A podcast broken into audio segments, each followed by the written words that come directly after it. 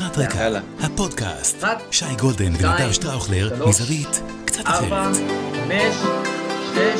שיחת רקע, מתחילים. תשע, עשר, אהלן, אהלן, שיחת רקע, פרק מספר 37, שבוע מבורך, אהלן ועשה אהלן, אני נדב שטראוכלר, איתי כאן שייקה, הידוע בכינויו שי גולדן, ואיתנו, בהופעה מאחורי הקלעים ולפני הקלעים, רני אשל, ה king של ה pod. מה שלומכם, אני. חברים? pod משולש ראשון היסטורי, שבו כל חברי ה pod מתייצבים מולכם, לאוזניכם ולעיניכם, כדי לדבר, לשמוע, להשמיע, ורני פה כדי שתוכלו לשמוע גם קולות מגוונים, אחרים, טובים, אשלים, יש פה. כמה אירועים, יש פה, יש פה כמה פה- אירועים יש פה- שאנחנו יש פה רוצים. זוויות עליהם טיפה. אה, יש פה עניינים. בכל זאת, בכל זאת. רני, מה קורה? אני בסדר, בסדר גמור, אני במתח, שבוע מאוד מאוד אה, עמוס וקשה לפניי. לא בטוח שהשיער שיש לי על הראש יישאר עד סופו, אבל אה, מקווים לטוב, אגב, מקווים איך לטוב. אתה תולש את שערותיך כשחיפה, נגיד, בדקות האחרונות חוטפת גול? איך אתה תולש, מה, מה קורה? פינצטה? איך אתה, מה פיזית קורה? משהו מה כזה. הפעולה? הזקן. הזקן. השבוע אני זרקתי חפצים בערך. היה משחק של מכבי חיפה, דקה 90, הכל היה רגוע, 2-0, ואז סן מנחם החליט שהוא צריך להכניס לחץ. גול קצת. עצמי. כן, גול עצמי הכי מטופש שראיתי בשנים האחרונות. אז כן, כן. לפני זה היה לי ארבע שערות, עכשיו יש לי שלוש. זה, זה, ויש זה לך עוד המצב. אה, שבוע של אה, גמר גביע, של אה, של גביע, ושל אה, משחק עונה. אז תשמע, אני מחזיק אצבעות, ואתה יודע מה, אם התחלנו בספורט, אנחנו מתחילים כתמיד עם פרק החולצות, ורני, מכיוון שאתה כבר, אני כן. רואה, אה, כבר, כבר זרקת את כל ה... אז תתחיל אתה, אני רואה שם... אה, זה נראה לי כמו... תן את זה. קרואטיה. אני... כששיחקתי, אני שחקן אה, חובב עבר. הייתי, אה, הרצתי חלוצים, ודאבור שוקר, חלוץ הקרואטי. הנהדר. זה. היה אחד האלילים שלי, וזה... בגלל זה החולצה, פשוט וכאן. ענק. דאבור שוקר היה אחד הגדולים, מאוד מאוד מאוד אהבתי אותו. הוא קרואטיה של שנות ה-90, אפשר להגיד. כן, כן. כן. קרואטיה החדשה של אחרי עידן יוגוסלביה, הוא כאילו עמד בפרונט כחלוץ, גם היה לו, היה לו איזו תקופה לדעתי בריאל מדריד, אם אני זוכר נכון. נכון, נכון, נכון, נכון. וואי, אלגנטי, אלגנטי. בכלל, נכון, היה- הקרואטים אה, ייצרו כמה שחקנים טכניים, וירטואוזיים, בובן ו... אה, מנג'יקביץ' מיובה, וכמובן... ג'וקיץ'. אה, מנ- מנג'וקיץ'. ואתה יודע, בכלל יש להם מסורת בספורט, גם בטניס, גם בכדורסל, זה מעצמת ספורט, מדינה קטנה. לדעתי יש לה פחות מספר, לדעתי יש לה פחות אה, אה, תושבים מישראל, לדעתי. משהו כזה, זה העניין, שאתה אומר, זה כמונו, מזג ים, אה, מזג אה, ים תיכוני, והם גם כן חמים כמונו. אממה, בספורט יש קצת אה, פערים בין ההישגים שלהם להישגים שלנו. חבל. אבל יש להם גם תרבות ספורט של יוגוסלביה יושבת עליהם, ולנו לצערנו אין את זה, במקומות אחרים אולי, אבל... ודאבור שוקר בכלל, אני זוכר... דאבור שוקר היה דופק לנו שליש, אה, שלושה ערים כזה בכל משחק עם הנבחרת, אם אני זוכר. זה הוא או שזה היה מישהו אחר? לא, לא, זה היה שוקר. שוקר כבש, כבש, כן, אה, אה, לדעתי הוא, הוא דפק לנו שלישייה באיזה משחק. הוא רואה ישראל נהיה כמו שור, זה מה... כן. זה. יפה, אחלה דאבור שוקר. שייקה, מה אצלך? אני רואה שם צהוב טיפה מתחת. מה מה הבאת תראו, לנו? צהוב שחור זה ביתר, ואנחנו ביתר, ו- אבל, אבל, בכל זאת, הפלייאוף של ה-NBA מתקרב. מג'יק. לברון ג'יימס. עכשיו אני אגיד ככה, אני אגיד את זה קצר ופשוט. אני לא אוהב את הלייקרס. אני אוהד צלטיקס, והלייקרס, אני רואה אותם, נהיה לי לא טוב, לא טוב בעיניים. ולאורך כל השנים, חייב להגיד שבטמטומי, אה, החמצתי הרבה שחקנים גדולים בגלל החוסר האהדה ללייקרס. החמצתי את מג'יק ג'ונסון בזמן אמת, פשוט שנאתי אותו ולא הבנתי כמה הוא גדול. החמצתי את קובי בריינט בזמן אמת, פשוט לא אהבתי אותו, למרות שהוא באמת גדול. הוא גם עמד בינינו לבין אליפות של גארנט, וזה באמת שחקן גדול. ועכשיו לברון. עכשיו אני אגיד לכם את האמת, אני לא אהבתי את לברון אף פעם. לא היה, מהיום הראשון שלו בקליבלנד, עד היום לא אהבתי אותו, אבל דבר אחד אני מתכוון להגיד, אני את האיש הזה לא מתכוון להחמיץ. הוא שחקן כדורסל ענק. מהחשובים בהיסטוריה. באמת, התרומה שלו לענף, בטח בהיבט של מה שאנחנו רואים היום אה, בליגה, לטוב ולרע גם. ליגה שנשלטת על ידי שחקנים שפשוט מפרפרים מועדונים ומפרפרים את הליגה, כל ה super teams האלה, כל התופעות שאנחנו רואים היום בליגה, ולא נרחיב, זה לברון ג'יימס. ולברון ג'יימס חוזר אחרי פציעה מעניינת, עכשיו עוד שבוע מתחיל הפלייאוף ב-NBA, הוא פצוע, הלייקרס uh, במקום השביעי בלבד, שכרגע ב-NBA זה לא מבטיח uh, פלייאוף, אלא טורניר מקדים לפלייאוף, מה שנקרא play-in. ולברון אולי במבחן, uh, אחד המבחנים המעניינים שלו מאוד מאוד מאוד בקריירה, הוא עלול למצוא את עצמו מחוץ לפלייאוף, בפעם השנייה בשלוש שנים. והוא בן 38, הוא שיחק יותר דקות מקרים אבדול ג'אבר. הוא שיחק יותר דקות מקרל מלון. הוא שיחק בטח הרבה יותר דקות ממייקל ג'קסון. אם הוא ישחק עד גיל 40 ויהיה בריא, לברון ג'יימס, שימו לב, ובזה נסיים, יהיה מלך האסיסטים בכל הזמנים, מלך הריבאונדים בכל הזמנים, מלך הנקודות בכל הזמנים, ומלך החטיפות בכל הזמנים. אם הוא ימשיך לשחק עד גיל 40 וישמור על הממוצעים שלו פחות או יותר. הוא עומד להחזיק בארבעה השיאים האישיים הכי חשובים בכדורסל, במקום הראשון בכל הזמנים, ויהיה קשה, יהיה קשה לא לדבר עליו במושגים של השחקן הכי גדול בהיסטוריה. אין ספק שהוא... אין אני ספק. מאוד מאוד לא אוהב את האיש, אני לא אשקר לכם, הוא מנהל קבוצות ביד רמה, הוא חיסל את הקריירה של דיוויד בלאט ב-NBA, הוא העיף, כל קבוצה שהוא מגיע הוא מעיף מאמן. מצד שני, אגדה שהייתה באמת, והוא האיש שלי, ואנחנו עכשיו הולכים, נכנסים לשבועיים מהמעניינים בקריירה שלו. תעקבו אחרי הלייקרס בשבועיים האלה, מאוד מאוד מעניין הסיפור שמתפתח שם, מאוד מעניין. נדבוש, מה אתה... מה אתה... יפה, תשמע, הבאתם פה דמויות, אז אני גם הבאתי דמות שאני מאוד מאוד מאוד מאוד אוהב. דמות, אה, דיברנו פה על מזג, דיברנו פה על מעיף אנשים, אז אה, זה ממש מתחבר. וזו אופה. חולצה שחייבים גם, אתם תכף תבינו למה, ללבוש אותה עם הצווארון, כי אין ברירה אחרת, אז אולי אתם כבר יודעים על מי אני מדבר. זו חולצה של... לא, לא מזה, מה זה, מה זה פה? נראה מי מזהה אותה. שימו לב, שימו לב. קוראים לקבוצה הזאתי מרסיי. אוי ואבוי, זה ז'אן פייר פאפה? קנטו, ארי קנטונה. שחק במרסיי? לא ידעתי. במרסיי? איזה איש. ידעתי בלידס, ידעתי במרסיי. חברים, חברים, איפה הוא באמת התחיל את הקריירה? איפה הוא. באמת, האיש והצווארון, איפה הוא באמת התחיל? לא, סתרים, סתרים כבר. ברור. כן, זה, זה, זה ה, ה. ו- ואחד השחקנים הגדולים, למי שבתוך העניין, קודם כל מנצ'סטר יונייטד כמובן הרבה מאוד שנים, היה השחקן אולי הדומיננטי ביותר, לדעתי, בשנות ה-90, בשנים הגדולות של מנצ'סטר יונייטד. אמ, הוא לא העיף את המאמנים, אבל הוא גם בעט באוהדים ועשה כל דבר אפשרי על המגרש. דיברתם על אה, מזג חם, אז זה היה טמפרמנט על המגרש. כאילו, מי מתעסק? זה היה קנטונה בשבילי בשנות ה-90, כמי שאוהב את יונייטד והכול. ולמי שזוכר, אה, ב-98 במונדיאל, אה, המאמן, אה, מי ז'קה, לא הזמין אותו לסגל, וזה עורר הרבה מאוד, הרבה מאוד, אה, הוא היה השחקן הצרפתי הכי טוב אז בעולם. הכי- היה שם זידן, זידן והוא. וז'קה אמר, לא, אני לא צריך את האגו הענק הזה אצלי בחדר ההלבשה, אני רוצה קבוצה ולא קבוצה של כוכבים. וקנטונה, השחקן הצרפתי השני הגדול של דורו, לא שיחק במונדיאל ההיסטורי של צרפת. והוא אמר, אני לא אסלח על זה לז'קה בחיים. והאמת היא, גם אני לא הייתי סלח. ואגב, אה, קנטונה, אם יש לו מקבילה אחת, זה, נו, נו, זלאטן. מי? הוא זלאטן שלפני 20 שנה. זלאטן. תחשוב, אתה יודע מה, יש. משהו, כי, תחשוב. כי הוא, הוא היה, אגב, הוא באמת גם גדול מחוץ למגרש, הוא גם אחר כך, יש לו קריירת שחקן, יש לו קריירת שחקן שחקן לא רע בסרטים. בכלל, אגב. ראיתי סדרה איתו. בנטפליקס, כן, ממש סדרה טובה. תשמע, הוא טיפוס, מעבר לזה שהוא היה כדורגלן ברמה הכי גבוהה שיש, הוא טיפוס מיוחד. גם כשאתה לא, אתה יודע, ראית אותו על המגרש, אתה הבנת שמדובר בחתיכת טיפוס, הוא בעל הבית, הוא היה... he owned the place, ממש. כן. זה היה שלו, המגרש היה שלו, גם, ה, גם ההליכה שלו, גם העמידה שלו, גם הנוכחות שלו על המגרש, ליד השחקנים שלו, והיו שם, בוא, היו שחקנים ביונייטד, רוי קין, והיו שם שחקנים, חבל על הזמן, והוא היה בעל הבית.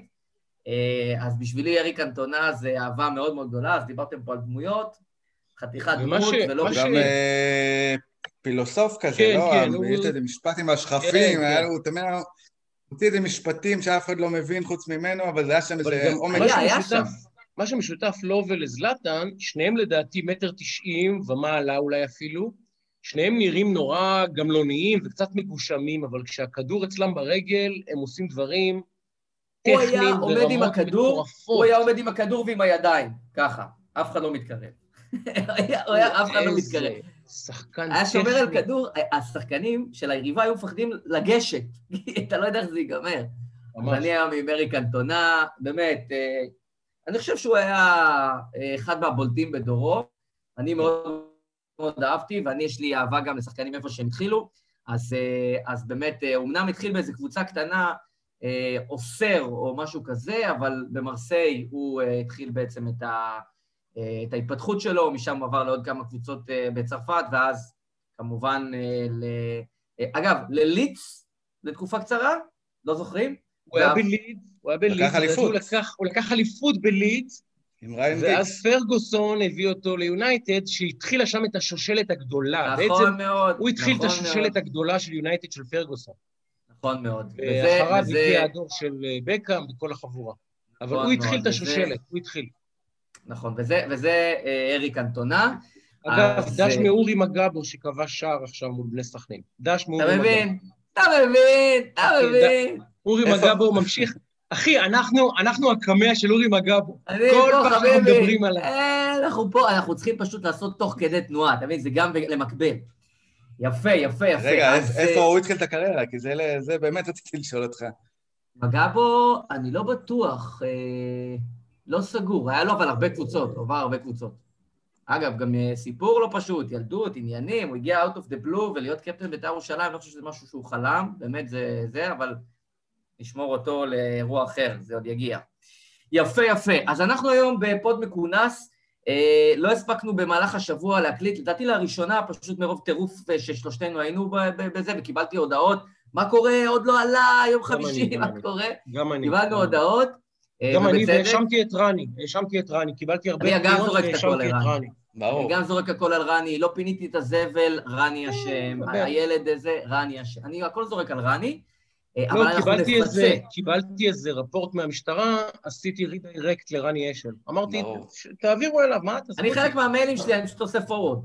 לרני. ואז אז אנחנו נפצה. אחד, אנחנו היום בפרק מכונס, ובעזרת השם בהמשך השבוע, יש איזו הפתעה שתכננו לשבוע שעבר, מקווים שהיא תקרה כבר השבוע, וזה יכול להיות מאוד מסקרן.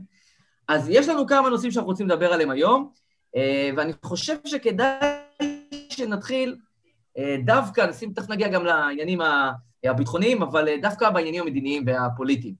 אה, אנחנו ככל הנראה הולכים, אלא אם כן תהיה הפתעה, ובעיניי זאת תהיה בנקודת הזמן הנוכחית הפתעה, הולכים לקראת ממשלה אה, שבה ישבו אה, יאיר גולן אה, ואיילת שקד, אה, נפתלי בנט אה, ואבתיסאם מראענה אה, ועוד הרבה מאוד שחקנים אחרים, וגם כנראה רע"מ, אולי המשותפת, אבל אה, אנחנו הולכים לקראת אה, אה, ממשלה שיהיה לה אה, קושי כמעט היסטורי, אני לא זוכר ממשלה שכזאתי, של ל- לעשות משהו, בכלל, משהו שיסכימו עליו. מדברים כל הזמן, שמעתי את יאיר לפיד, אומר, אה, 80% מהישראלים מסכימים עם 80% מהדברים, אני חושב שזה אפילו יותר מ-80% מסכים על יותר מ-80%, אבל אנחנו בדיוק ב-15%. הסוגיות ליבה של האנשים האלה, הם לא מסכימים עליהן.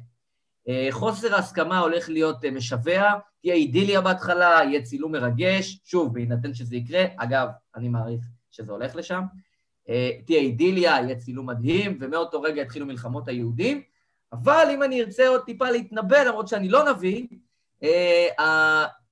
המשותף, המחבר, בין שני אנשים שעומדים בראש הגושים האלה, זה גם מצחיק, אבל לכאורה, חזק מאוד, כי שניהם מבינים, יאיר לפיד יש לו הזדמנות היסטורית להיות ראש ממשלה, אה, ונפתלי בנט יש לו הזדמנות היסטורית להיות ראש ממשלה. אלטרנטיבות של שני השחקנים האלה ושל שחקנים נוספים, בעיקר בגוש השמאל, אה, במסגרת הזאת היא אלטרנטיבה פחות טובה, הרבה פחות טובה אפילו, ועל כן יש שם רב המאחד על המפריד, לא במובן האידיאולוגי, אפילו לא במובן האסטרטגי או בתפיסות העולם, אלא במובן הפוליטי הצר של אחד מחזיק את השני, וכמובן האיבה לנתניהו והרצון להוציא אותו מבלפור. זה בעצם הדבק. עכשיו, הוא דבק אה, דל מאוד, אבל הוא כמו איזה דבק שלוש שניות, הוא ייתפס, הוא נתפס, והוא נתפס חזק, אה, ולכן ההערכה שלי בנקודת הזמן הנוכחי, שאם הם לא יצליחו להרכיב ממשלה, זאת תהיה החמצה היסטורית של כל השחקנים האלה במגרש, כי אני לא בטוח שתהיה להם אפשרות כזאת. אה, לצד זה, אה, במובן של, במובן האידיאולוגי, אפרופו עמיחי שיקלי, מה שהוא עובר עכשיו, אגב, זה גם כן אירוע די מטורף, האיש הזה שבעצם אומר, אני עומד מאחורי האמירה שלי, אמרנו מההתחלה, לא נלך עם יאיר לפיד, לא ניתן לו להקים ממשלה, אני לא אשב עם מרץ, אמרנו את זה מההתחלה, עומד על שלי, אה, והוא עכשיו סופג אש מעיתונאים, וכבר ראיתי שישבו אותו עד להיטלר, זה הגיע בינתיים, בינתיים. לא, אה, הוא, הוא, הוא זכה ליגאל עמיר, השווה ליגאל עמיר, ואשתו אה, יגאל עמיר, סליחה, לא היטלר, יגאל עמיר, אני מתקן, כן. יגאל עמיר, סליחה. אשתו אה, מסכנה, שמי בכלל ידע מה היא ומי, יוסי מזרחי כתב אה, ערוץ 2 בצפון, מצייץ, מעניין מה התלמידים של, לדעתי שמה הדסה, הדסה שיקלי, חושבים עליה אחרי שבעלה כך וכך. לא יודע מה לומר, אני לא יודע, אני, אני לא מבין אנשים שמדברים על נשים של פוליטיקאים. אני לא מבין. תעזבו את בני המשפחה של הפוליטיקאים האלה. מה אשמה אשתו של שיקלי, כמו שאגב, מה אשמה אשתו של אלקין. תעזבו את האנשים האלה, תעזבו אותם כבר לעזאזל. בעלה בחר להיכנס לחיים הפוליטיים, אני בטוח שהיא לא מאושרת מהרעיון. עכשיו היא צריכה גם להיות קורבן בעצמה. גם גברת אלקין לא רואה את בעלה. שוב, אני לא מאושר ממה שאלקין עושה, אבל אשתו היא לא צד בעניין, בטח לא הילדים שלו. מה זה השטויות האלה? מה זה הטירוף הזה? מר אלקין יעמוד מול הציבור ומול האנשים ויתמודד, אבל אשתו והילדים לא במשחק בכלל. אני מבקש שתניחו לאנשים האלה, גם לאלקין, גם לשיקלי, לכל אדם, לנשותיו, ילדיו, לא מדבר על השיח כלפי האנשים האלה בכלל, שנהיה הזוי. באמת, רני כתב לי, אה, אה, צייצתי, לא, לא צייצתי, כתבתי פוסט על יאיר לפיד, ורני אמר לי, שייקי, אתה מגזים, זה אלים נורא.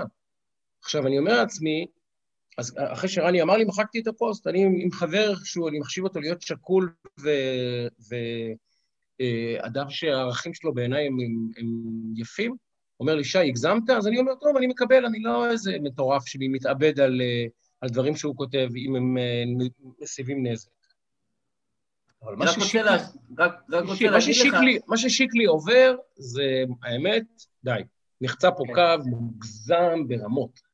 זה מכוער נורא, אגב, גם אם לא- חושבים שהצד שלו לא לגיטימי. עכשיו, רק אני רוצה עוד נקודה קטנה, ואז אני רוצה לשמוע גם מה, מה רני חושב על זה.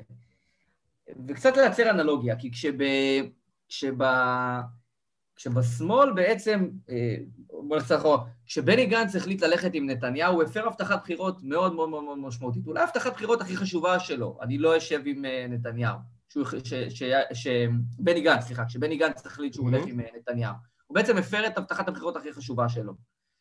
רק להבין, שנייה לעשות את הבנצ'מרק לעניין הזה, בפני אנשי ימין, בפני הרבה מאוד אנשי ימין, מהלך של בנט, לשבת עם לפיד אחרי שהוא התחייב באין ספור הזדמנויות, כולל הדף הזה וכולל האמירות, וכל, שאני לא אלך איתם, ואני לא, ובעצם הוא הולך גם עם מרץ וגם עם יאיר לפיד, בעצם לפי, ה, כפי שהדברים נראים כרגע, יקים את הממשלה, בעצם יקים ממשלה ליאיר לפיד, זה כאילו גנץ בשישית, לא בריבוע. זאת אומרת, רק שנבין רגע את, ה, את, את ההשוואה. ועכשיו אני מסתכל על איך התקשורת מסקרת את, את בנט ואת גדעון סער, שבעצם הלכו נגד מה שהם אמרו. הם אמרו, אני לא, לא נשב עם מרץ בשום צורה, לא ניתן ליאיר לפיד ממשלה. אמרו את זה בקולם אין ספור פעמים. הם מקבלים פשוט אה, חיבוק מטורף, מטורף, מטורף מהתקשורת, ושיקלי, כאילו גומרים את הבן אדם. אז, אז קצת, לא חשוב כרגע מה אתם חושבים על הצד, קצת על איך התקשורת מחליטה, מה שנקרא בנק המטרות בעניין הזה. ורני, אני רוצה לשמוע אותך, מה דעתך על המהלך? רני, איך אתה חווה את כל הסיטואציה הזאת סביבנו? אה, קודם כל, יש כאן טרפת, יש כאן טרפת מוחלטת של... אה, אתה יודע, אני מסתכל על זה מהצד שלי, אני רואה כאילו, אני קורא את כל מה ש... אתם אומרים את מה שבנט, אה, החיבוק שהוא עובר.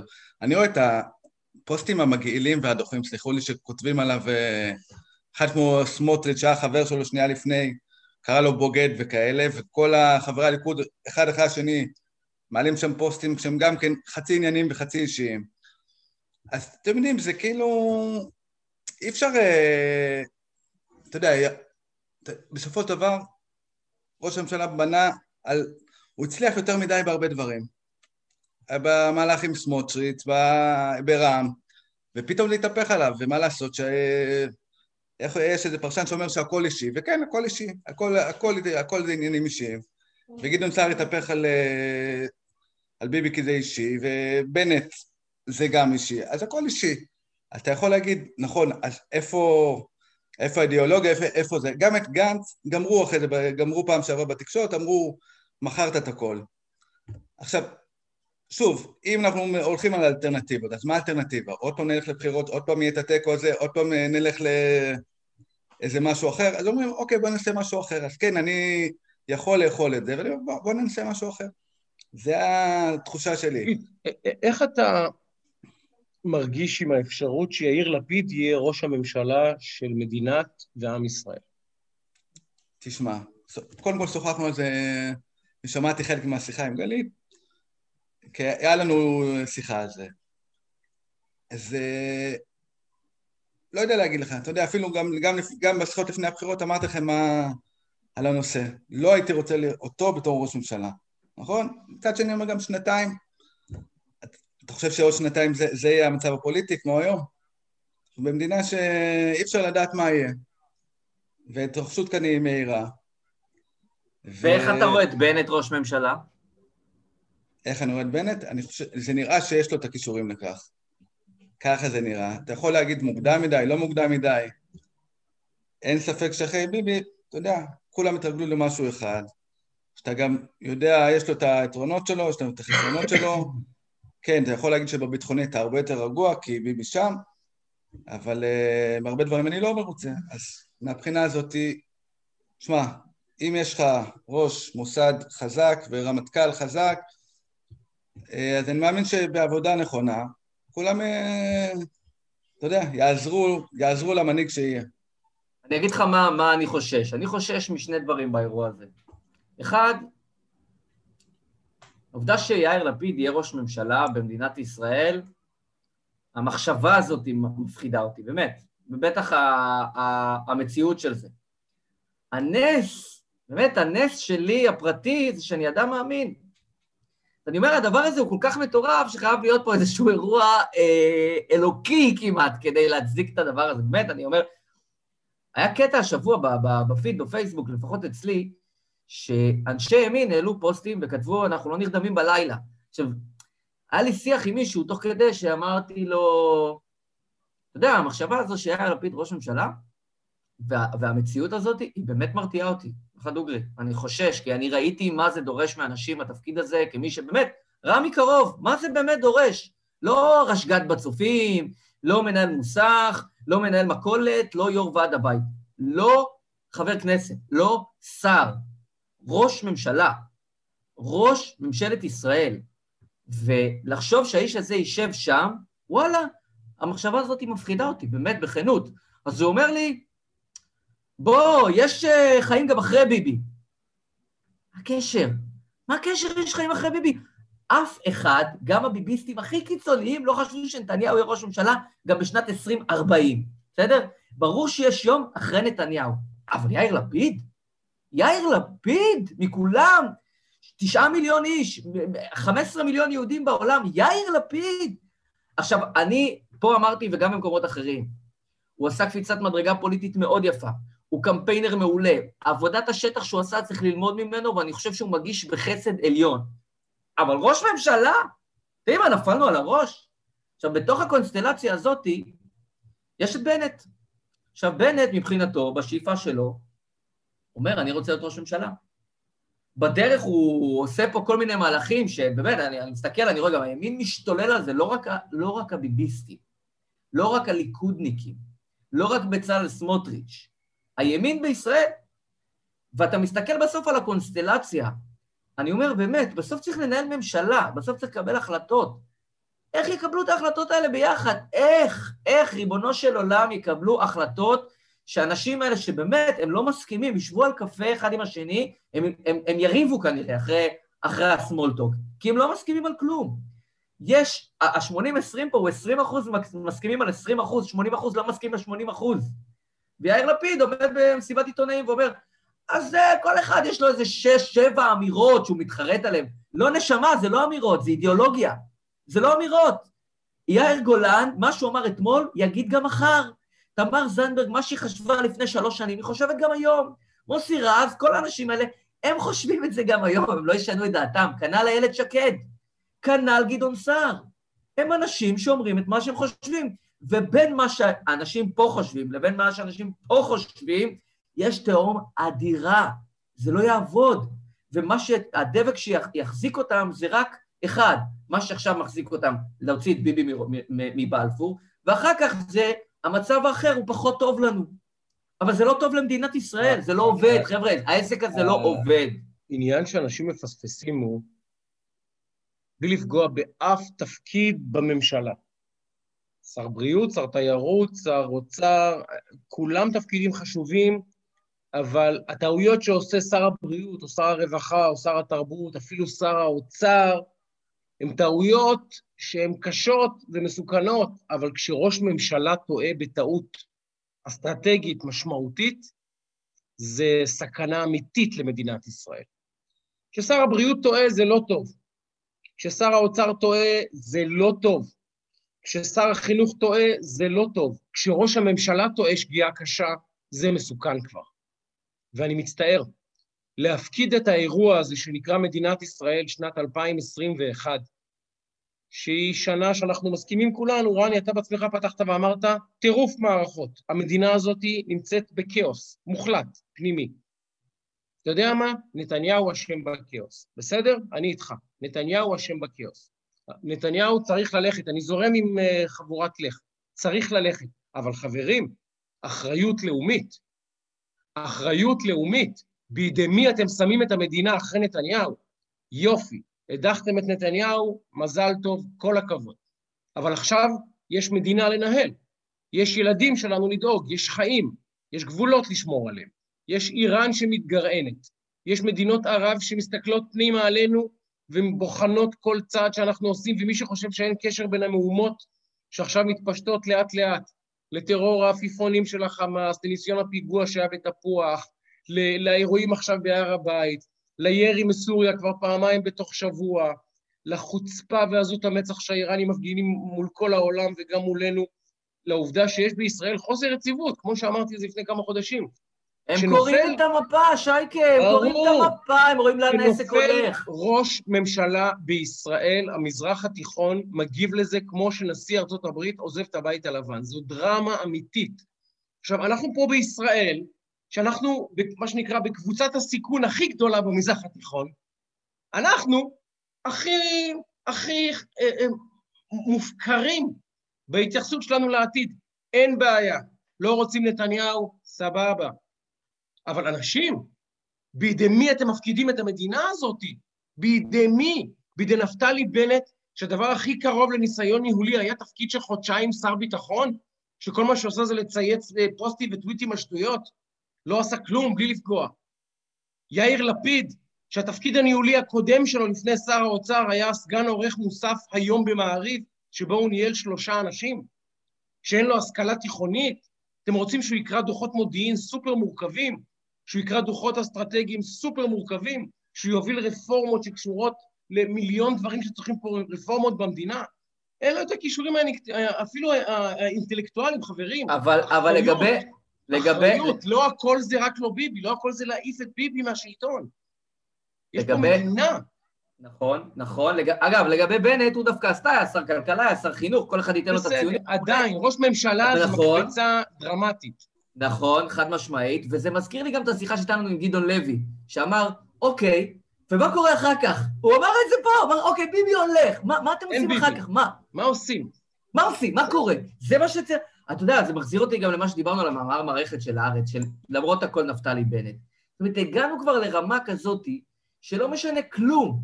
אנחנו מבינים שנפתלי בנט, השמאל בתפיסה, אנחנו מבינים שנפתלי בנט הוא לא משוש חיינו, אנחנו מבינים שיאיר לפיד הוא לא ראש ממשלה מטיריאל, אנחנו מבינים שאנחנו בתקופה מסוכנת בצורה בלתי רגילה, והנה, רק מריחים, מרגישים את זה בצד השני, אתה רואה את המהומות, אתה רואה את הבלגן, ומי שיגיד שזה לא קשור, לא מבין.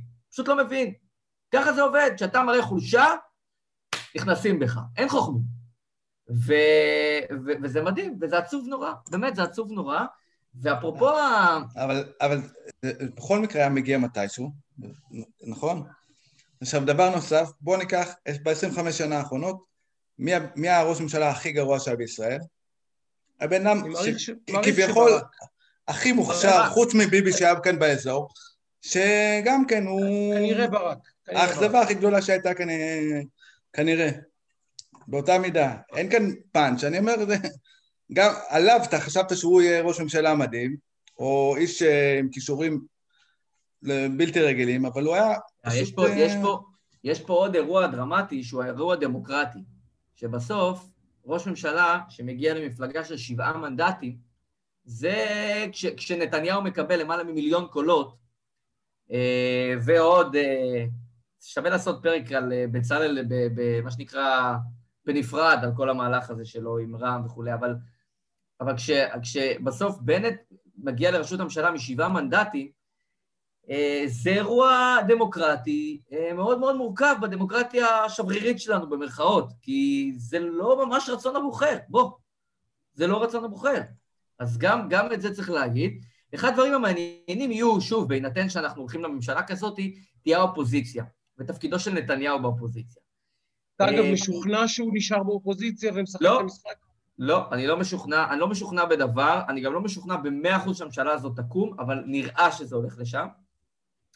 אבל בהינתן שזה מה שקורה והליכוד יהיה באופוזיציה עם החרדים ועם בצלאל וכולי, זאת תהיה אופוזיציה שאם היא תפעל בצורה אה, חכמה, מה שאני בספק, אבל נניח, וכן, יש לה פה קואליציה שהיא אה, קואליציית החלומות, כי מלחמות היהודים והלא יהודים שיהיו בתוך הקואליציה הזאת, זה מטורף. אתה צריך רק לזרוק גפרור והכל נפיץ שם. כי זה שעכשיו יש אידיליה, זה לא רלוונטי, אנחנו הולכים פה... הממשלה הזאת, זה הולך להיות קרקס מדרנו. שוב, אני, אנחנו כאילו, אנחנו קצת מקדימים את המאוחר, אבל הממשלה הזו, אם היא תקום, אנחנו מבינים שיש... איך מתנהלת ישיבת ממשלה באירוע הזה? אף אחד לא... אתה מבין לאן אנחנו הולכים פה באירוע הזה? כאילו, לא, עכשיו, אני, על... אני לא יודע מה מדיניות הממשלה הכלכלית, אין לי מושג אפילו למה לצפות. אה, לא אה, ליברמן יהיה שר אוצר, אז אתה לא יכול ללכת. לא, לא יודע מה תהיה המדיניות האזורית, לא יודע, לא יודע, לא יודע, אין לי מושג, אני לא יודע אפילו מי הולך לשלוט עלינו, לא יודע.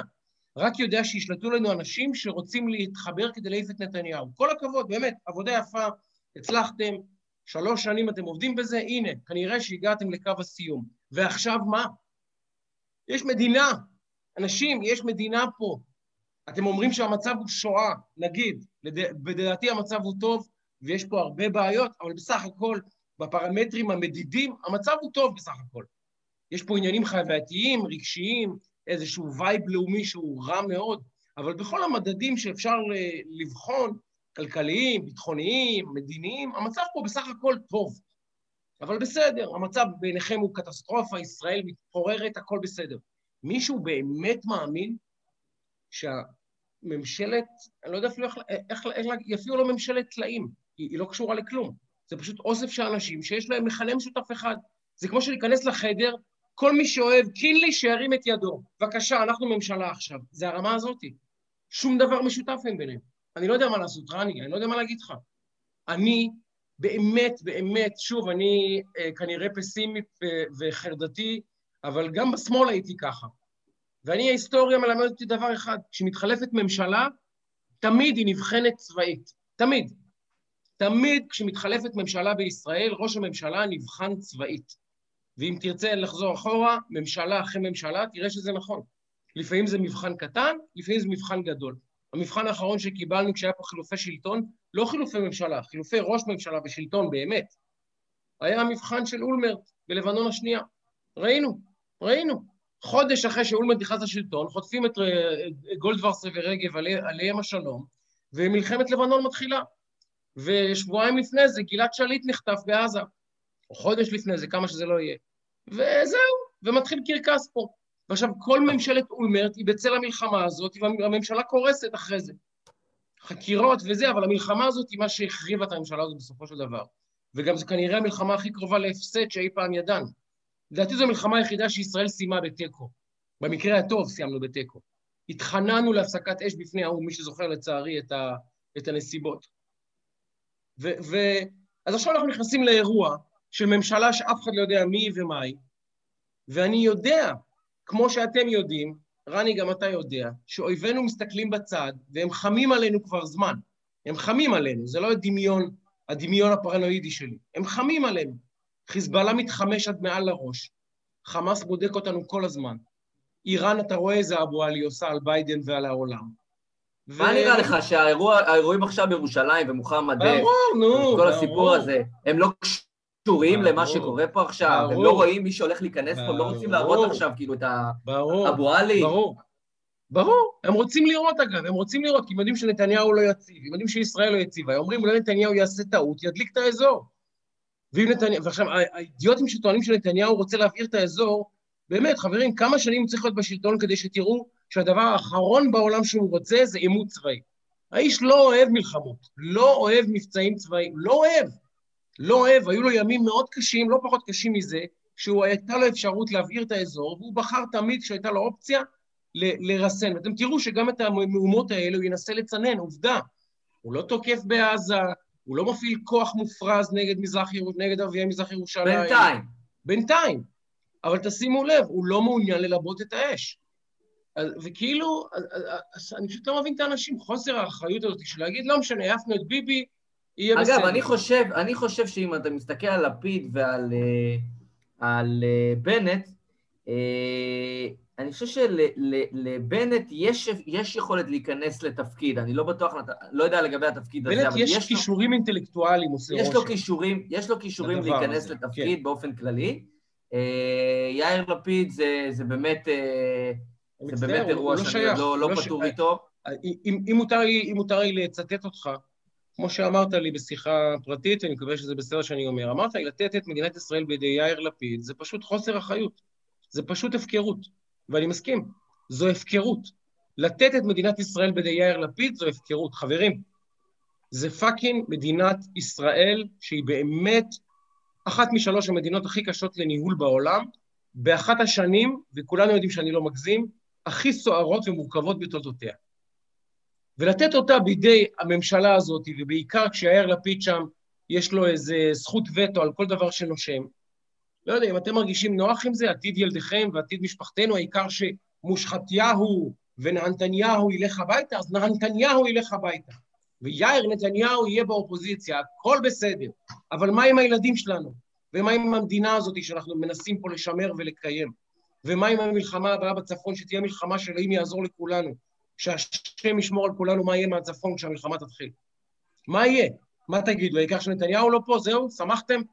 זה, זה לא סיבה מספיק טובה, באמת. עכשיו, אני לא אומר, רני, שנתניהו ישרוד לעד ויישאר לעד, חס ושלום, אבל תשים לב להפקרות מהצד השני. עשרים שנה מאז ברק לא גידלו פה מנהיג. אחד לא הצליחו לטפח. מנהיג אחד שילך חמש שנים, שבע שנים, עשר שנים, שיהיה ראש אופוזיציה, שהציבור יכיר אותו, שיצליח לגבש מאחוריו איזושהי אה, אה, חזית פוליטית אמיתית. כל פעם מחליפים, מחליפים, מחליפים. ההוא שנה, ההוא חצי שנה, ההוא שנה, ההוא חצי שנה. זורקים לכלבים את כל מי שלא מביא את הניצחון. אין שם תשתית בכלל לשום דבר, רני. עכשיו, אה, וזו הסיבה שעכשיו יש ואקום. כי מי שייכנס זה ואקום. אבל איזה תשתית מנהיגותית ראש הממשלה ביבי משאיר מאחוריו? אם מחר, לא, לא עלינו, קרה... יש בליכוד את אמיר אוחנה, יש בליכוד את ישראל כץ, אני לא יודע אם אתה אוהב אותם או לא אוהב אותם, לא חייב לאהוב אותם, אבל זה אנשים שהחזיקו בתפקידים, אה, אה, אה, בתפקידים מיניסטריאליים בכירים.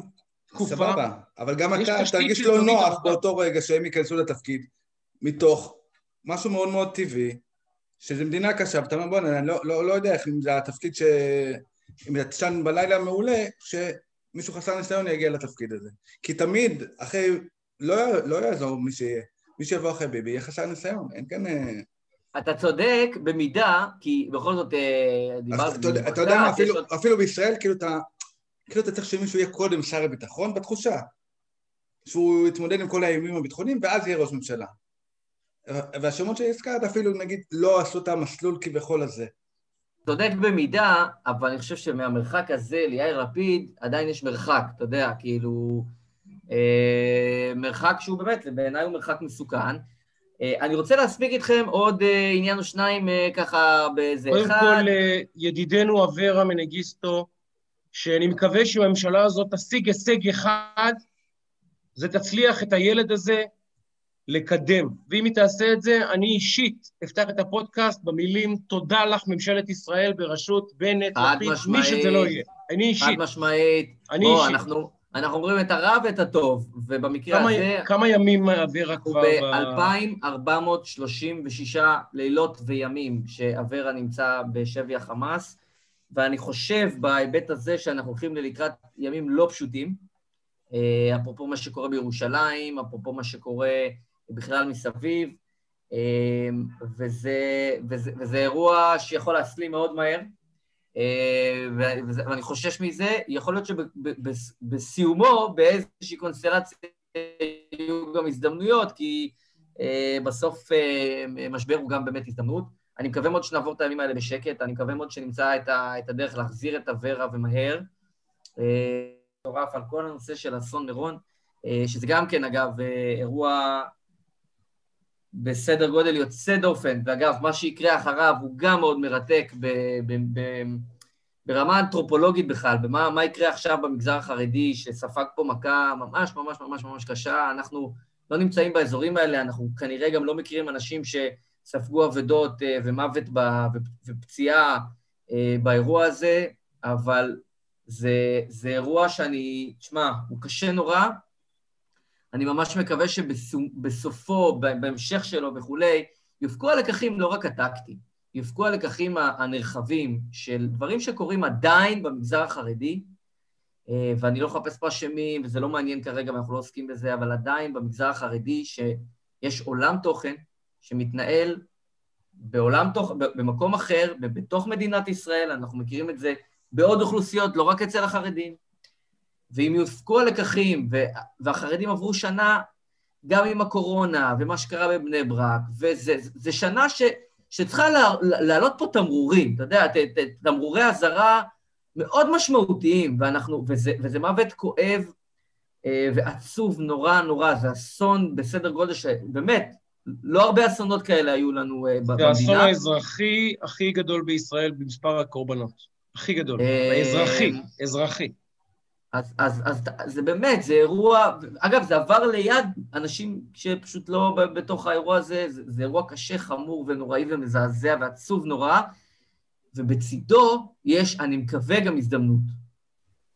אני מקווה גם הזדמנות, אנחנו בספירת העומר, ו, ו, ויש כל מיני פרשיות לגבי ל"ג בעומר שעברנו אותו, שכאילו, מה פתאום, שביום ה-33, כאילו פתאום חגיגה, הרי יש את כל העניין עם uh, תלמידי רבי עקיבא ו-24 אלף uh, הרוגי מלכות וכל העניין הזה, ויש אמירה מאוד נחמדה שבל"ג בעומר, מה זה השמחה הזאת פתאום באמצע? הרי אסרו חתונות, חשבתם על זה פעם שביהדות אסרו חתונות למשך 33 ימים, הרי זה אחד הדברים הכי בסיסיים ביהדות, הקטע שלה, של, של, של להקים משפחה, זה איסור מטורף, כאילו, לא צריכים לחשוב על זה, מה צריך להיות עד כדי כך חמור? הרי לא בסרט ימי תשובה, לא באף מקום אחר ב, ב, בלוח השנה היהודי הקלנדרי אין עצירה של חתונות, אז כאילו, ו, ופה עוצרים את, האירוע הזה, והסיפור בל"ג בעומר, שאני מאוד מתחבר אליו, וזה גם מתחבר לעניין הזה של מירון, זה שאחרי שנהרגו כל 24,000 תלמידים, ורבי עקיבא לא הגיע אפילו לכל ההלוויות וכל הסיפור הזה, היום הזה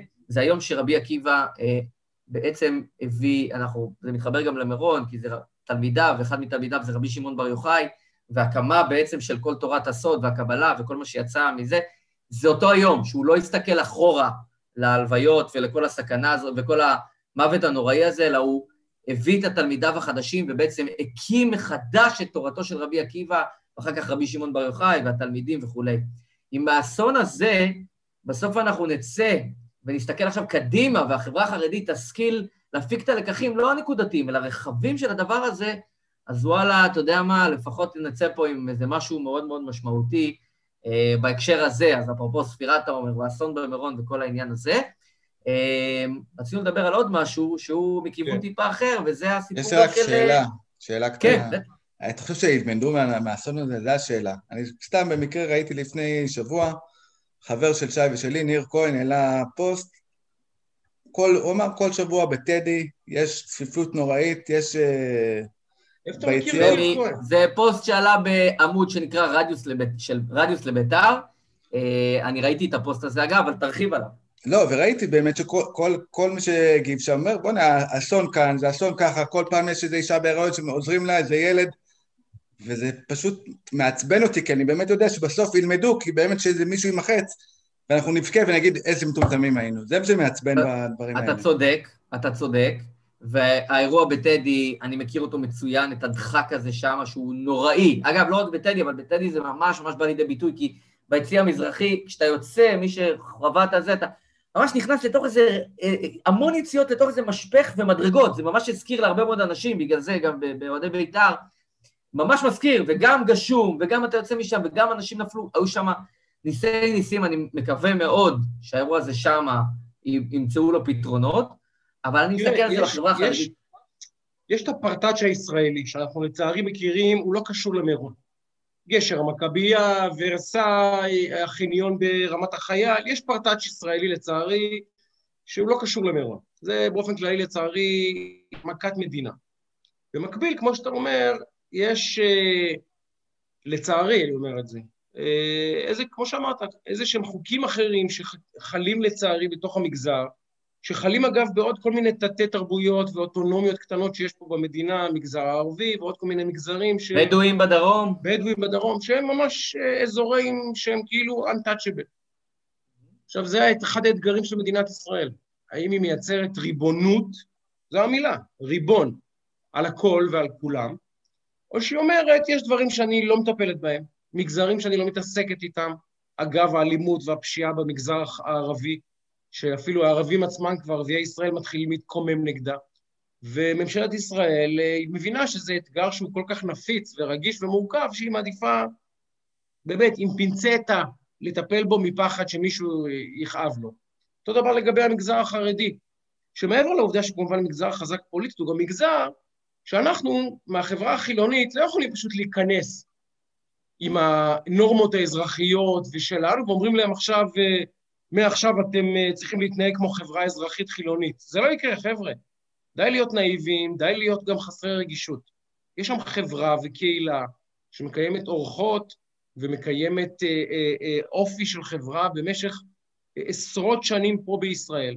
חברה שנמצאת בתהליך צמיחה מטורף דמוגרפי.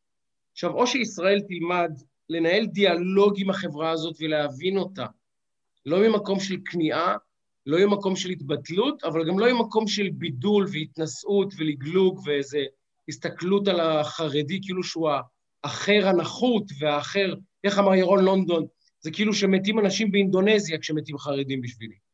אז זו הסתכלות שכשאתה שומע את זה בא לך לצרוח. בא אליו וילון, באמת, אני אומר לך, באמת, לצרוח. קראתי את. זה, וכאילו בא לך. לפתוח קטטה כשאתה קורא את זה. באמת. זה כאילו... עכשיו, אני אגיד לך מה מטריד אותי בדברים כאלה, כמו שאומר ירון לונדון. מעבר לעובדה שלא קם עיתונאי אחד וגינה אותו. אחד. ירון לונדון זה לא סתם. זה אדמו"ר בעיתונות בישראל. זה אדמו"ר גם בשמאל, בתור מי שהיה בשמאל הרבה שנים. זה אדמו"ר, באמת. באמת אדמו"ר. וכשהוא אומר דבר כזה, כנראה שהוא אומר אותו לא אה, בחלל הריק, אלא הוא אומר את זה כי הוא יודע שהוא יכול לומר את זה גם בפורומים מסוימים שהוא מסתובב בהם, חברתיים ואחרים. כנראה שהוא שומע את זה או משמיע את זה והוא יכול לומר את זה ונשאר בחיים. זה מה שמדאיג אותי, שירון לונדון מהדהד, יכול להיות שהוא מהדהד רק 100 איש, יכול להיות שהוא מהדהד 2,000 איש, יכול להיות שהוא מהדהד 100,000 איש, לא יודע כמה הוא מהדהד.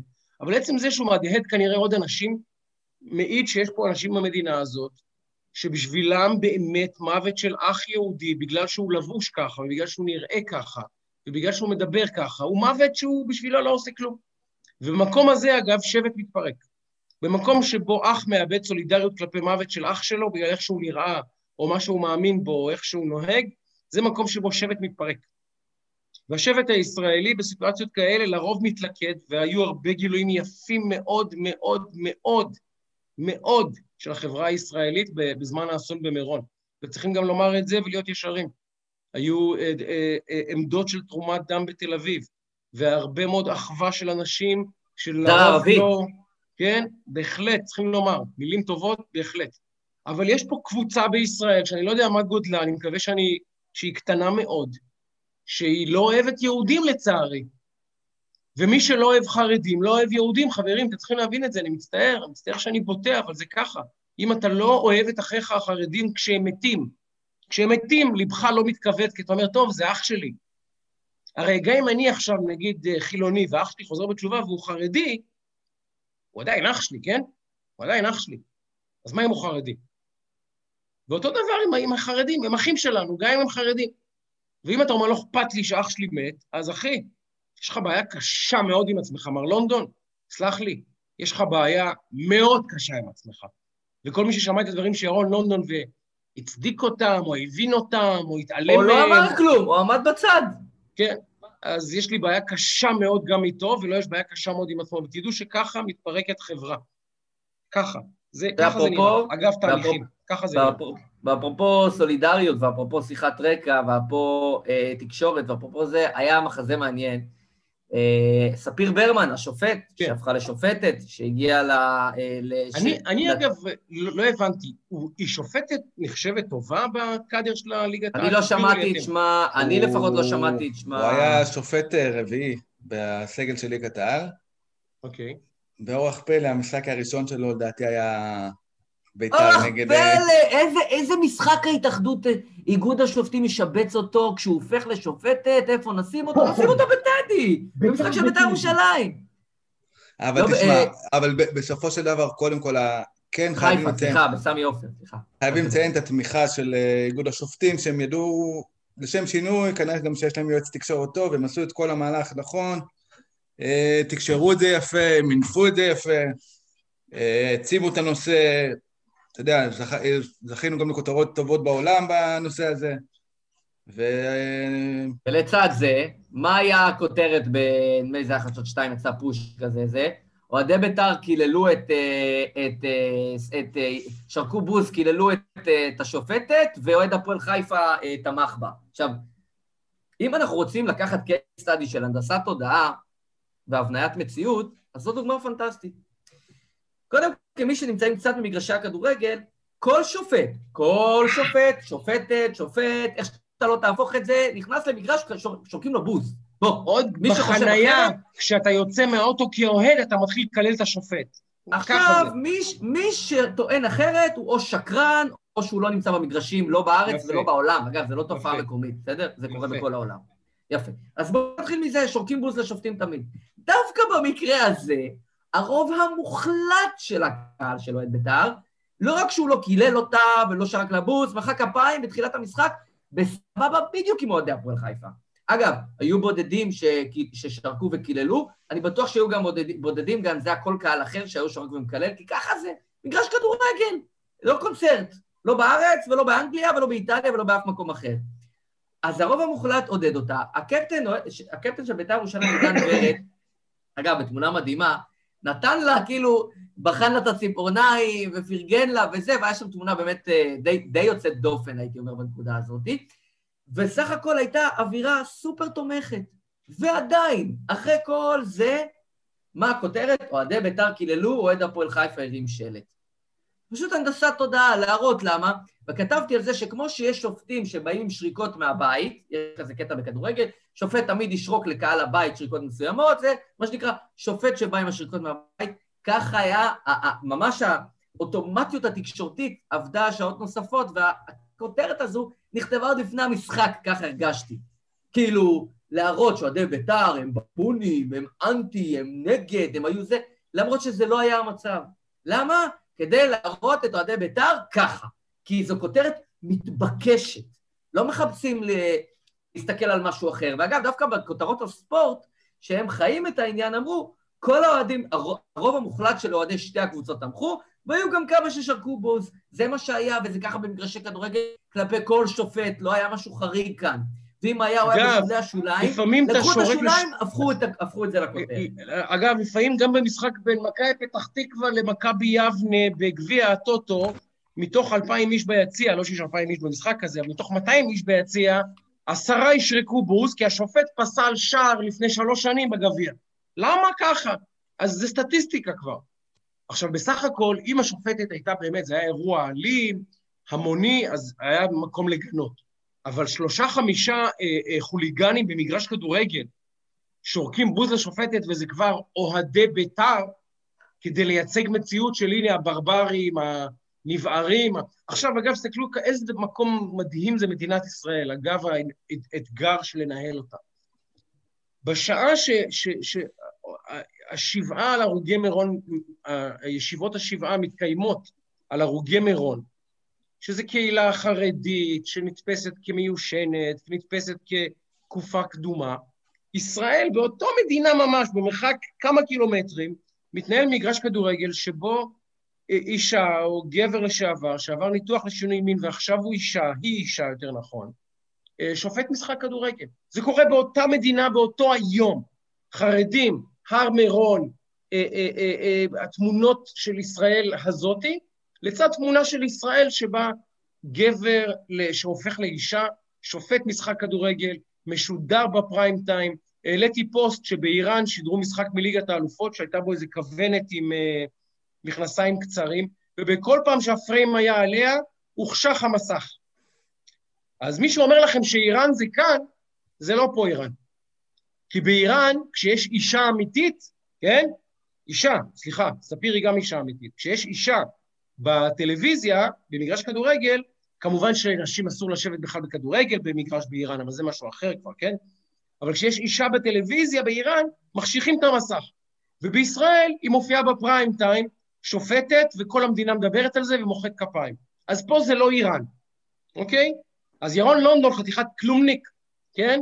שמסתכל על חרדים וחושב שזה, לא יודע מה, ברברי מאיפה, פה זה לא איראן, התבלבלת.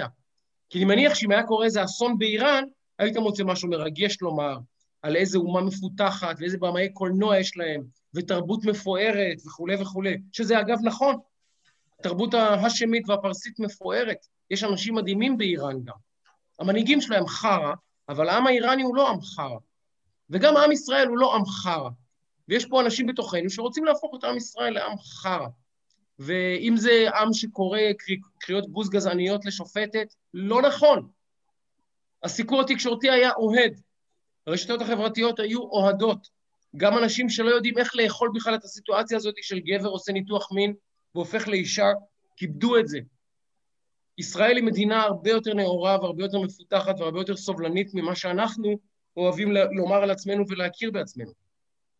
אבל כשזה מגיע למנהגים, במרכאות אני עושה, למי שמאזין לנו ולא רואה אותי, הברברים והפגאנים של החרדים, אז על זה מותר לומר. הם ברברים, הם פגאנים, כמו המטומטמת הזאת שהעלתה סטורי, לא רוצה לומר אפילו את שמה, שאמרה, look at yourself, look at yourself, you animals, you animals. זה אחים שלך, גברת, זה אחים שלך. החיות האלה זה אחים שלך. אז אה, די. אמרת, אמרת את זה מאוד יפה, ומאיראן לאיראן אווי, כי אתה צריך, אה, ואנחנו צריכים אה, לסיים תכף את העניינים שלנו כאן.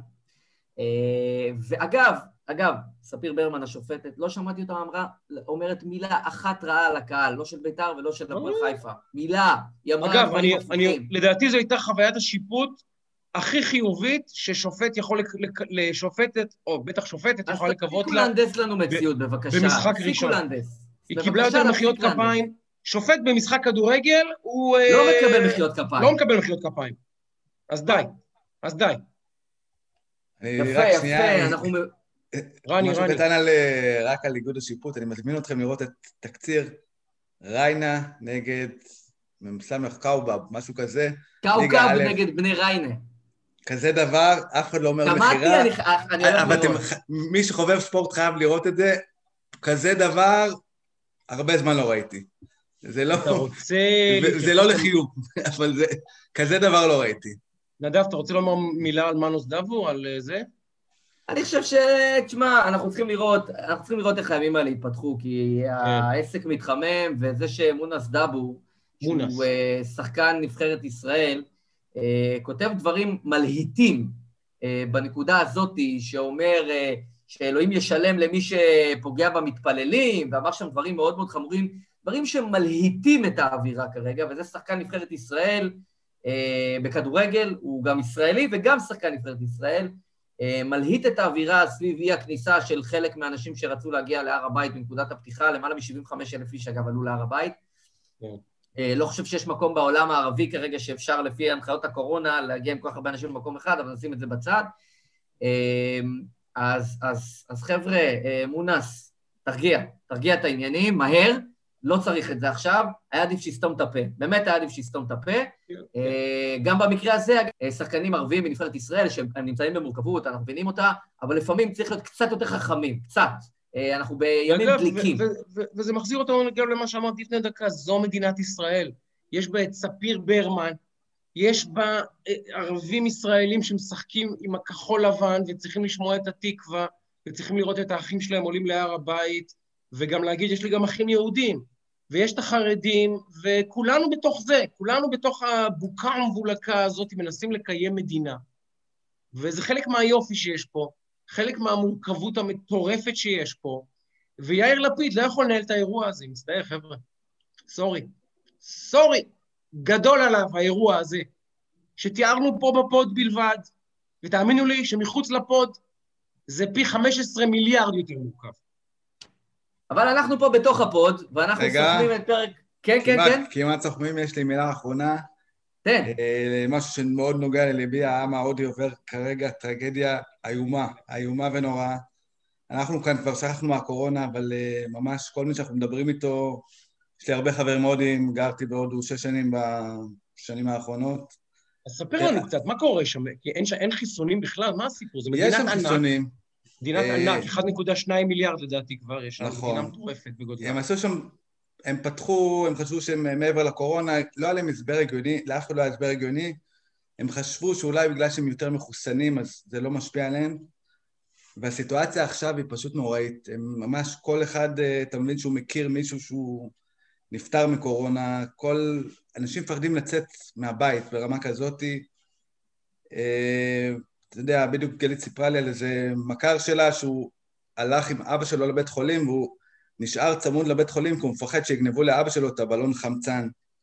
ובאמת כל יום אני רואה איזה חבר הודי שמעלה לפייסבוק, אה, rest in peace, על איזה מישהו שהלך לעולמו, ויש להם חיסון הודי שקוראים לו בשם המשעשע, אבל כנראה שלא משעשע, קוביש. והוא- קוביש. אה, זה אה, מה שנקרא חיסון שהם פיתחו in-house? כן, כן, כן, זה המקום, אה, הם מייצרים מלא תרופות, הם לא נותנים פטנט. לתרופה, זה הקטע אצלם.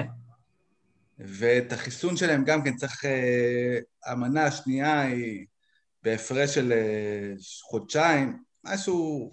קיצור, המדינה שם באמת קורסת, יש לנו מנהל בית חולים שהוא באופן אישי עזר לנו עם טובה אישית, עשה מעל ומעבר, אבל שנייה אחרי זה הוא אמר, תשמע, עשה לי טובה, תעזרו לנו, איכשהו תארגנו לנו ציוד, כי אין לנו. אז אה, הקורונה שם בהשתוללות מטורפת, כאילו המספרים שם זה 400 אלף ביום, ואתם מבינים וואו. שזה כנראה פי שלוש, פי ארבע, כי אף אחד לא באמת ברור. יודע. יש גם את ה- יש גם את הודו הכפרית, אי אפשר לעקוב אחרי זה באמת, מה שקורה שם. כן. הרי רוב- רוב הודו זה בכפרים. אי אפשר כן. באמת להבין כמה, מה קורה שם באמת, זה מטורף בטח. מה, זה באמת, זה אה, אירוע... אירוע נוראי, נוראי, נוראי, אתה, אתה מבין מהאנשים שהם פשוט אה, לא, לא, לא כך יודעים מה לעשות. יש אה, חבר אישי שקוראים לו ג'פרי גטלמן, שהוא אה, כתב של הניו יורק טיימס בדלהי, תראו אותו, והוא, תראו, מסתובב עם חברים מהניו יורק טיימס, כן, תמשיך. והוא כתב, הוא כתב כאילו כתבה וראיתי דיווח, הוא כתב שם, הייתי באפגניסטן, נשביתי בעיראק, אתה יודע, זה איתי אנגלקט של הניו יורק טיימס, אבל, אבל כזה דבר, את הפחד הזה לא, לא ראיתי מעולם. וואו. הסיטואציה היא קשה מאוד, ואנחנו אנשים מאמינים, כן, אז זה- באמת, באמת, מקווה אה, שזה איכשהו יצליחו לצאת מזה. זה ברור שזה זה אירוע... באמת נורא ואיום. ארוך. אנחנו גם, אה, אנחנו גם שי, ניהלנו איזושהי שיחה ברדיו גם עם אה, מ- מנהל בית חב"ד ב... ב... הודו. לא זוכר באיזה מדינה, באיזה עיר בהודו. באמת זה נורא ואיום. אגב, גם בברזיל הם חווים שם תקופה נוראית במיוחד, אז חיבוק גדול... שימו לב שסין, שהיא מולדת הקורונה, שאלו את עצמכם, מתי פעם אחרונה קראתם על סין ועל קורונה? מעניין אבל מאוד. שם אתה באופן כללי לא יודע מה קורה. זה... מעניין מאוד מה קורה שם. אירוע בפני עצמו. אני- יום אחד, כנראה שזה, אולי זה, בטח זה יהיה עוד הרבה שנים, נבין באמת מה זה הקורונה הזה, איך הנגיף הזה הגיע לחיינו, לדעתי לא אנחנו עוד בטוח, לא יודעים. אגב. לא בטוח שנבין. אנחנו- לא אנחנו בטוח. עוד לא מבינים את הפרטים לדעתי. לא. אבל uh, אני לא רוצה לה, לה, לה, להגיד פה תיאוריות קונספירציה, אבל אני משוחח עם הרבה אנשים, והרבה אנשים שהם די רציניים, לא אה, אה, טוקבקים ברשת. אנשים רציניים שעוסקים ברפואה הרבה שנים, במחקר, יש להם דברים שאתה שומע, אתה אומר, וואלה, יש מצב שזה לא כזה צירוף מקרים שזה קרה. ככה. אני, אני משוכנע שזה לא מקרה. משוכנע. זהו. לא, אדם אכל את הנפט בוואן וכל העולם אה, זה, משהו... מסין לעולמנו הדל והקט, אה, אנחנו חייבים להגיד תודה ענקית אה, למאזינות ולמאזינים ולצופות ולצופים, והאמת שזה היה די מרגש, שקיבלתי כמה וכמה הודעות, גם באופן אישי וגם מאנשים, וכולל הודעות נוספות, איך עוד לא על הפרק, יום חמישי בערב, אני, זה השעות שלי עם הפודקאסט. יום שישי, בישלתי ולא היה את הפודקאסט, ואני זה, יש לי נסיעה קבועה ביום חמישי, לא... אז, אה, אז אנחנו, אה, קודם כל זה תודה, באופן אישי זה מרגש אותי אפילו, אה, שאנשים ככה מחוברים לפודקאסט שלנו, זה כיף אדיר, ואנחנו נמשיך לעשות. ובעזרת השם יש לנו גם עוד הפתעה בעוד כמה ימים, שהיא צריכה להיות מאוד מעניינת ומסקרנת ומרגשת. אז... נגיד, אז- זה משהו שמתחרז עם אזימוט. חכה, חכה. תעשו מה שאתם רוצים. אל תיתן, אל תיתן טיזרים. עדיין. לא אמרתי מה, זה מתחרז עם אזימוט. אה, תעשו מה שאתם רוצים במידע הזה. יפה, יפה, יפה. אז אנחנו סוכמים את פרק מספר 37 בשיחת רקע, שהיה פה פרק טריו משולש, כי גם התגעגענו והיה שבוע אינטנסיבי ולא הספקנו לעשות, אז, אז זה קרה. אה, אז תודה רבה רבה לכן ולכם, למאזינות, למאזינים, לצופות, לצופים. היה כיף אדיר. אה, רני, איזה הופעה. טיל, רני. הבאת... הוא האמת, נתת הצדיק את פה. המעמד עם... הצדיק את המעמד עם אה, דאבר שוקר פה לפנים. נתן פה, נתן עבודה. תשמע, יש לי- כאן אה, זה, יש לי- ארסנל של חולצות. לא פראייר. יפה, יפה, יפה, יפה. אני גם אז איזה זה- כמה דברים. בארסנל. אל תאיים על יונה ביין. אל תאיים על יונה ביין. אנחנו זה, אתה יודע. רק, אה, סליחה אחת מטובה שטראוכלר, שהיא לא, זה, לה אני, אני מרגיש שאנחנו חייבים, חייבים עליה, נכון, נכון. על גם מה לה. שקרה השבוע, בעיקר לה, זה טובה והשאר, זה- טוב, בעוד אחת- בעוד- בעוד 11. לגמרי. יפה, מדהים, מדהים. ושייקה, תודה רבה לך. תשמור על עצמך, תשמור על הבריאות. תשמור על השפיות של כולנו. אה, ונשיקות גדולות, תודה רבה לכן ולכם. חיבוק גדול, ועוד עוד ניפג- עוד נתראה השבוע. נתראה שנקרא- השבוע. נתראה עוד אה, אוטוטו. אז אה, סלמת.